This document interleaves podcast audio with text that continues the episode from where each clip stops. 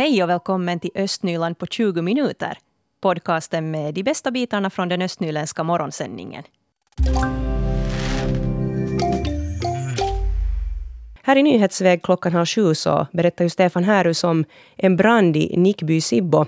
Det var alltså ett radhus med fem bostäder som fattade eld i natt där i Sibbo och larmet kom strax efter midnatt. Och vår reporter Fredrika Sundén är nu på brandplatsen. God morgon Fredrika. God morgon, god morgon. Var exakt befinner du dig? No, det är kanske lite svårt att förklara men jag har kört till Nickby och sen har jag tagit rakt fram i de tre första rondellerna och sen strax därefter så har jag svängt till höger och här är då ett sånt här eh, dels radhus och bostadsområde men sen är här också en sån här stor gul byggnad intill och vad jag förstod här på vår lokala Sibbobo Stefan Härus så är det ett äldreboende som, som är här och de har också eh, lindat en sån här stor tall här intill det här radhuset med, med julbelysning. Eh, så att det är nog ett sånt här litet avsidesområde här, en, ett, ett stenkast från Nickby centrum. Hur ser det ut nu för tillfället? No, det är jättelugnt. Vi sa ju här i nyheterna att eftersläckningsarbetena fortfarande pågår men det gör det nog inte. Jag ser varken brandmän eller några andra människor här när jag står här. Um, här är ett annat radhus intill det här nedbrunna radhuset som har klarat sig oskatt och där är det lugnt och tyst och mörkt i fönstren. Så jag antar att invånarna har gått och lagt sig nu här efter nattens uppståndelse med, med poliser och brandbilar. Um, sen är det kanske lite mörkt så här att jag ser lite dåligt hur det här nedbrunna uh, huset ser ut här för att jag, jag inte går riktigt eh, så nära det här radhuset som står här intill ifall om invånarna nu sover att det stör dem. Men um, där är en, en lampa som fortfarande lyser här ute på, på en av de här Eh, lägenheternas trappa och, och sen annars så är det nog ganska illa skadat det här radhuset. Här är en hög med plåt här intill. De har rivit taket, stora delar av taket troligtvis då eftersom den här branden spred sig där till, till det här bjälklaget och, och sen ser det nog ganska förstört ut. Här är dörrarna öppna och, och det där eh, massa sot och, och, och sånt här och, och bråte. Så att eh, tyvärr så, så gick det nog ganska illa för det här radhuset. Det är nog nästan, nästan ser rivningsfärdigt ut. Mm. Och invånarna har ju därför inte heller kunnat återvända hem till sina lägenheter. Uh, vad vet man om brandorsaken i det här skedet? Uh, no, inte så hemskt mycket men att det som polisen gick ut med redan här mm, under efternatten var det att man misstänker att den här branden är anlagd och polisen fortsätter att utreda brandorsaken uh, och den har då börjat från en lägenhet här i, i det här och spridit sig sen till taket. Manskören Sångargille i Lappträsk fyller 70 år. Och det här firas bland annat med en jubileumskonsert på Lindarås ungdomsföreningshus imorgon på lördag. Sångargille är en manskör med en rätt traditionell och fosterländsk repertoar, men de försöker följa med sin tid. Det berättar mångårige dirigenten Jan-Erik Sletis. Det som kanske är den största förändringen är att, att det har blivit en mångfald av, av, av repertoar det fanns ju en tid då man sjöng den här så kallade stamrepertoaren, manskörernas stamrepertoar, den där så kallade blåboken. Och, och, nu måste vi komma ihåg att den får vi inte heller glömma. Men om, om vi börjar, börjar, börjar räkna de, de olika sånger som vi gett oss i kast med så, så då, då är det en stor skillnad på hur det var för 20-30 år sedan vi kan kalla den, vi har haft en sund repertoarutveckling. På de här senaste tio åren har vi sjungit hemskt mycket vår, vår egen Kaj Erik Gustafssons kompositioner men vi, vi, har ju, vi har ju den förmånen att ha, ha en så kallad egen hovkompositör och, och, och vi har skräddarsytt otroligt många projekt här i, i under vår, vår, våra, i synnerhet det senaste decenniet och nu har vi då vårt stora projekt så länge det sjunger inom dig som vi uruppför på vår 70-årskonsert. Säger körledaren, dirigenten Jan-Erik Sletis. Manskören består av ett 30-tal medlemmar och en korist har faktiskt varit med sedan kören grundades 1949. Styrelseordförande och basen Sten Frondén hör till nykomlingarna men trivs bra i sammanhangen och med körens repertoar jag har inte haft någon, någon eh, jag spelar ingen, inga instrument. Jag har lärt mig först nu att läsa noter så där behjälpligt så att eh, jag börjar ganska mycket från, från scratch. Jo, det, man lär sig med, på vägen och det, det har varit väldigt givande. Det är först nu som jag liksom börjar förstå musik på ett annat sätt än vad jag gjort tidigare när man får den här referensramen som är sån här körmusik ger. Så att eh, väldigt nyttigt också för en sån här totalt eh, novis vad det gäller musikalisk teori. Så att, att eh, börja på, på, som i mitt fall lite äldre dagar, jag var plus 50 när jag började. Så att det är aldrig för sent. Det är bara att modigt komma med. Man behöver inte vara på något vis perfekt när man börjar. Man lär sig nog en hel del. Eh, hur har du kommit in i den här repertoaren? Jag ser här, här finns Järnefält. Nu pratar vi alltså om den här 70 års jubileumskonsertens program som jag har här framför mig. Vi ser Underbart är kort med Povel Ramel, en härlig, mm. det är en härlig sång. Vi har Armas Järnefält och naturligtvis Sibelius. Ja. Hur, hur, har du känt för just en sån här repertoar när du kom med? Är det, är det skönt att sjunga just den, den här sortens musik? I början så kändes den lite främmande faktiskt, för att, jag menar, man känner ju igen det här. Det är ju inte fråga om det, men, men det där att sjunga dem, att sjunga dem i stämmor så var, var lite, lite främmande. Och, eh, sedan hade jag förmånen att vara på, på en övning inför Finlandssvenska Manssångarförbunds gemensamma uppträdanden där man sjunger på, med ett betydligt större kör med människor från flera olika körer. Och det är då man märker fördelen i att ha en, en sån här gemensam repertoar som kan vara just så här traditionell som den här, som alla har gemensamt och kan. Det är då man märker att det här finns faktiskt ett stort värde i att göra det här tillsammans. Det är först då det liksom väcks det här intresset för körmusik, när man gör det först med den egna kören och sen vidgar det så att man börjar sjunga tillsammans med, med, också med andra. Då ger det verkligen någonting. Och det sa Sångargillets styrelseordförande Sten Frondén. Jubileumskonserten hålls på Lindarås ungdomsföreningshus i Lindkoski imorgon på lördag klockan 16. Och det var Leo Gammals som var redaktör.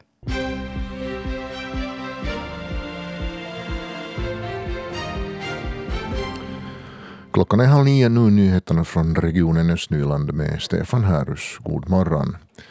På måndag inleder kommunfullmäktige i Sibbo behandlingen av budgeten för nästa år. Enligt budgetförslaget skulle resultatet för kommunens räkenskapsperiod vara eh, 0,95 miljoner euro och överskottet 0,4 miljoner. Kommunstyrelsen föreslår också fullmäktige att kommunens driftsekonomi anpassas under de följande tre åren så att Räkenskapsperiodens resultat är positivt senast 2023. Förslaget är också att inkomstskatten eh, bibehålls på 19,25 procent. Fullmäktige fortsätter behandlingen av budgeten den 9 december efter det att kommunstyrelsen har behandlat föreslagna ändringar. Ett radhus med fem bostäder fattade eld vid midnatt i Nickby i Sibbo. Elden spred sig från den brinnande lägenheten till det översta bjälklaget. Räddningsverket blev därför tvunget att bryta upp taket för att komma åt eldhärdarna, vilket innebär att de övriga fyra lägenheterna fick vattenskador. Det innebär också att invånarna inte har kunnat återvända till lägenheterna. Det var en polispatrull som kom till platsen före brandkåren som fick ut invånarna ur radhuset. Och Östra Nylands polisinrättning misstänker att branden är anlagd. Hälsovårdsjätten Mehiläinen köper upp vårdbolaget Pihlajalinna som för tillfället har hand om alla läkartjänster inom äldrevården i Borgo. Det här skriver tidningen Östnyland. Tidigare var det Doktagon som skötte läkartjänsterna men i mars 2018 köptes bolaget upp av Pihlajalinna. Då hade Doktagon 1500 kunder i Borgo. Hur den nya fusionen inverkar på vårdavtalet kan man vid Borgostad ännu inte uttala sig om. Både Mehiläinen och Pihlajalinna har haft verksamhet i Borgo och till en viss mån tidigare konkurrerat med varann.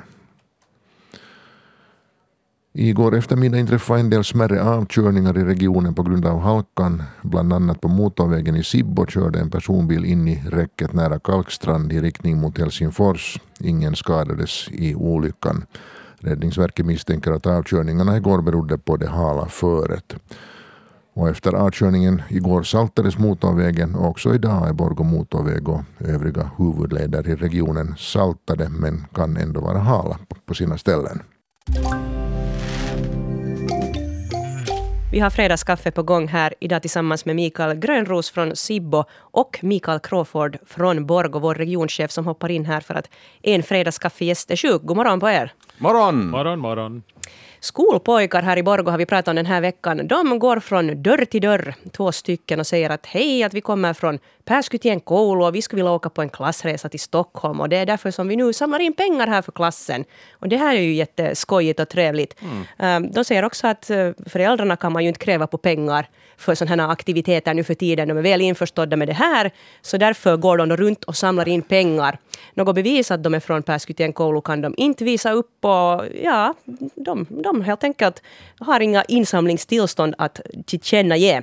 De har rört sig i Ärnestas och i Vårberga och det här har väckt lite diskussion på sociala medier och skolan säger att nej, nej, vi har nog ingen insamling på gång, vi inte. Mikael Grönros, vad tycker du om det här? Kreativa pojkar säger Kreativa jag. pojkar, Ja, ja. Eget initiativ och sånt här. Det är inte sånt som man ska uppman, uppmuntra folk till. Ja. Ja, unga entreprenörer. Ja. De lär ju enligt, enligt eh, vår artikel som vi har på vår webb vara artiga och antar jag välklädda och vattenkammade. Och så här, sen när de nu då, som du säger, man vet inte från vilken skola de är. Men om de nu inte riktigt tontar så är de ju definitivt uttryckligen just inte från Pääskytjenkoulu. Om man ska lura till sig pengar så då antar jag att man inte säger att jag går i den skolan på riktigt. Ja. Och det här är naturligtvis förbjudet. Det de gör är ju fel. Aj, aj. Nå jo, och, det, är nu, det är nu så här, det, det är ju ganska oskyldigt men fel är det att hoppas att någon tar dem i öra och ajabaja föräldrar, kom ihåg, prata med era ungar, säger vi här som aldrig naturligtvis gjorde något fanstyg när vi var 12-13 år. Nej, hur var det nu med dig Mikael? Ja, jag har nog alltid Var varit en snäll pojke? Jag var nog en snäll pojke, så att inte, inte kan jag nu dra upp något sånt här. Ja, vad, vad är det hemskaste du har hittat jag- på? Nej, det fanns ingenting hemskt. Som jag Ingenting hittade hemskt. På. Du var, du var mammas Ja, jag snälla mamma, pojke. Jag är mammas snälla pojke. Ja, hur var det med vår andra Mikael då? Ja, va, ja, ja, jag har glömt allt som hände. Allt är inhöjt i ett förlåtan, en förlåtande dimma. Uh, ja, nej, nog gjorde man nog var det ju en, en... Man gjorde sitt bästa för att dryga ut sin magra fickpeng, ska vi säga så, men jag minns nog inte riktigt att det skulle ha varit sånt här. Det minns jag inte. Men något bra sådana här lagliga knep att få lite fickpengar, har ni sådana på lager för ungdomar? Nå, plocka burkar och flaskor. Nå, flaskor finns det väl inte så hemskt mycket kvar med. Nej, till lycka. Det är ju en bra sak för övrigt. Också för den som samlar in dem, för det var otroligt irriterande som liten när man skulle samla flaskor och folk hade sönder dem. Mm, ja, jo visst. Ja, verkligen ja. Så. Å andra sidan är de inte så hemskt bra, de där burkarna heller i naturen. Kossorna äter dem och, och, och får problem och sånt Ja, här. det är sant. Men det finns många som plockar upp dem. Al- Alltså jag vet har vi ju det bra i det här landet. Gå ut här nu i, i, i omgivningen så inte ser vi många burkar. Nej, faktiskt inte. Jag skulle ju säga det att, att, att jag menar, jag, jag var en hängiven flasksamlare. Och, och det var vad man gjorde på den tiden. Här farbröderna minns hur hemskt det var när vi skulle ha pengar. Men jag tycker på riktigt, skulle man vara flaskhamlande ungdom idag, så det är ganska lite man ser som ligger nu för tiden. Jag, jag, skulle, utan att, jag har inte nu riktigt studerat det, men jag tycker att ganska sällan ser man att skulle du på riktigt försöka samla ihop en plastkass, så där vad du ser på gatan eller någonstans, så då skulle du nog få leta. Ja, nå, här kommer vi till det här nu, att vad finns det för alternativ kvar då? Nå, vad har de här pojkarna hittat på? Ja. ja. Så där går Kanske, det det, sen. kanske det, är våra, det är moderna flasksamlare det där. Ja, det är ju det jo. Men att samla flaskor var ju, var ju lagligt. Och utom när man nu kanske var inne i någons uteförråd om man nu råkar hitta eller så en korg tom glas stå någonstans. Så, Ja. Ja, alla har sina knep. Ja. ja. Hur är det? Ska de på kryssning de där? Har någon tagit reda på det? Ja, då, det, det här med kryssningen tror jag inte rektorn här i vår webbartikel tog ställning till, men han sa att de åtminstone inte samlar in pengar på det här sättet överhuvudtaget. Nej, no, och, och han var inte heller medveten om varifrån de här pojkarna är. Att de ska lite diskutera saken i skolan nu då. Ja, rent Ja. på ett allmänt pla- plan ser jag nog det lite problematiskt med de här klassresorna som inte längre skolan har råd att finansiera, ändå ska de ordnas. Det, jag, jag, jag, helt, alltså jag, jag vet ju att de, de säljer, de säljer choko eller vässapapper eller någonting bra. Okej, så. Men där finns ju alltid sen risken att det finns folk som har mindre pengar om det ska samlas in av föräldrarna. Och jag, jag tycker absolut att det ska alltså vara så, om det ska vara en klassresa som eleverna på något vis själva ska betala för, eller deras föräldrar, att det ska ske uttryckligen just via att man då säljer, eh, nu menar jag legitimt säljer, organiserat av skolan. Eh, Jag tror inte att det är så vanligt mera, men det, men det är illa det här om att hej, sen ska alla föräldrar ge x hundra euro så att alla får åka. Ja. Jo, nej, det, det, så, så ska det inte funka. Och sen det här med säljande också, det, det måste också vara frivilligt. Ja. Att du, du ska sälja det som du kan och det som du har tid med och det som du orkar med. Naturligtvis. Och där finns ju den möjligheten att är man en så att säga välbärgad förälder så kan man ju kringgå det här utan att någon, någon blir utpekad. Man säger åt sin Pelle eller Pernilla att ta 20 lådor hem och så betalar man det och så fast slänger man lådorna i roskis om det är så. Alltså de här chokladlådorna. Ja. Då, då ser det ut som om Pe- Pelle eller Pernilla ska betala, någon som har mindre pengar, äh, fattigare så att säga föräldrar, så är inte ändå utpekad. Det Pelle och Pernilla säger inte ändå att oj, jag fick alla pengar direkt. Men, men slänga i roskis är nog inte heller riktigt bra. Inte nu borde vi veta upp dem. Och de är ju faktiskt ganska goda de där. Det Hur mycket hålla med. godis har du slängt i roskiskattis under ditt liv? Jag hittade faktiskt för någon dag sedan en sån här kexlåda som jag hade köpt i fjol, som ingen hade ätit. Den hade gått ut det där bäst före Ja, men datumet. den är säkert helt Ja, okej. Du kan bjuda på, på dem åt någon annan. Ja, jag, jag kan hämta till redaktionen så Ja, får. Crawford nej, äta. tack. Nej, tack. Men det kan vi så här slutligen här konstatera att det här med klassresor och lägerskolor är faktiskt under lupp här i Borgå nu och man ska börja fundera på vilka regler som riktigt ska gälla om sådana ska få ordnas här i framtiden. Den här veckan har vi pratat om konditions och kulturtrapporna i Borgå som tänkt bli lite för dyra. Stadsstyrelsen sa att nej, nej, nej, att det här 240 000 det, det går inte vi med på. 100 000 max får de kosta. Så nu får vi motionera helt enkelt en lite kortare sträcka där i, i slalombacken då när man ska springa upp för de här trapporna. Är det här nu en stor förlust för dig, Mikael? Eh, no, jag vet inte om jag nu skulle komma till Borgå och gå i de där trapporna, men vi har ju liknande trappor i Sibbo faktiskt, och, och där diskuterades det ju nog kostnaderna för dem. Eh, de är väl ungefär lika långa som en, en sån här nedbantad Borgå-version skulle vara, och, och de blev väl inte så dyra som 240 000, nu har jag inga siffror, men jag har för mig att det rör sig om under 100 000 euro. Och, och det var en, en, en, ett företag som sponsrar de där trapporna också. Men nu blev de ju jättebra. Nu är det ju jättefantastiskt eh, att, eh, sätt att motionera det där. Ja. Också jag som är stor och tung så tycker att det är riktigt kiva att gå i trappor ibland. Ja, ja, alltså det är ju den här investeringen, den känns stor, men man måste alltid tänka att hur mycket sparar man nu pengar på sikt när folk, kommuninvånarna är i bättre skick eh, för, med tanke på framtiden. Jag menar, jag, jag, jag är rätt långt av den åsikten att allt som får folk att röra på sig är en investering för staden, för en personligen och för, för riket. Sen å andra sidan, när det är just de här trapporna, ni vet alla den här, den här, det som händer med folk, att de hoppar i sin bil och så kör de med sin bil till spånbanan och så joggar de. Eller till simhallen och där simmar de. Men åker med bilen och den ska alltid komma så nära som möjligt. Så undrar om det nu sen den här trappan är klar i Borgå, om vi kommer att få se det, att någon äh, stiger upp från sin soffa, tar hissen ner till första våningen och sticker till slalombacken och går lite i trappor så kommer de hem och så tar de hissen upp hem igen för att de vill inte gå i trappor i egen, e- e- egna trappan. Ja, absolut. Ja, inte, kan man ju sen mera motionera när man redan har gjort Nej, det. men visst är det ju bättre att de, än att de skulle ta hissen ner och, och hissen upp tillbaka och inte göra något däremellan. Ja, det skulle ju nog vara ett sätt att motionera också. Men, men sen den här den blir ju nu kortare i Borgå. Så lite nu att voj, voj, kan man då inte, om, om folk nu tycker att nej, den är bara, vad är det, 100 meter den skulle bli eller Ja. någonting. Så man går ner då och så går man flera gånger. Inte det är någonstans sagt att man måste gå 200 steg för att det ska vara kiva. Man kan gå två gånger 100 eller fem gånger 100 steg. Östnyland på 20 minuter är en Svenska Yle-podcast. Det finns flera poddar på arenan. Jag heter Katarina Lind. Tack så mycket för sällskapet. Vi hörs.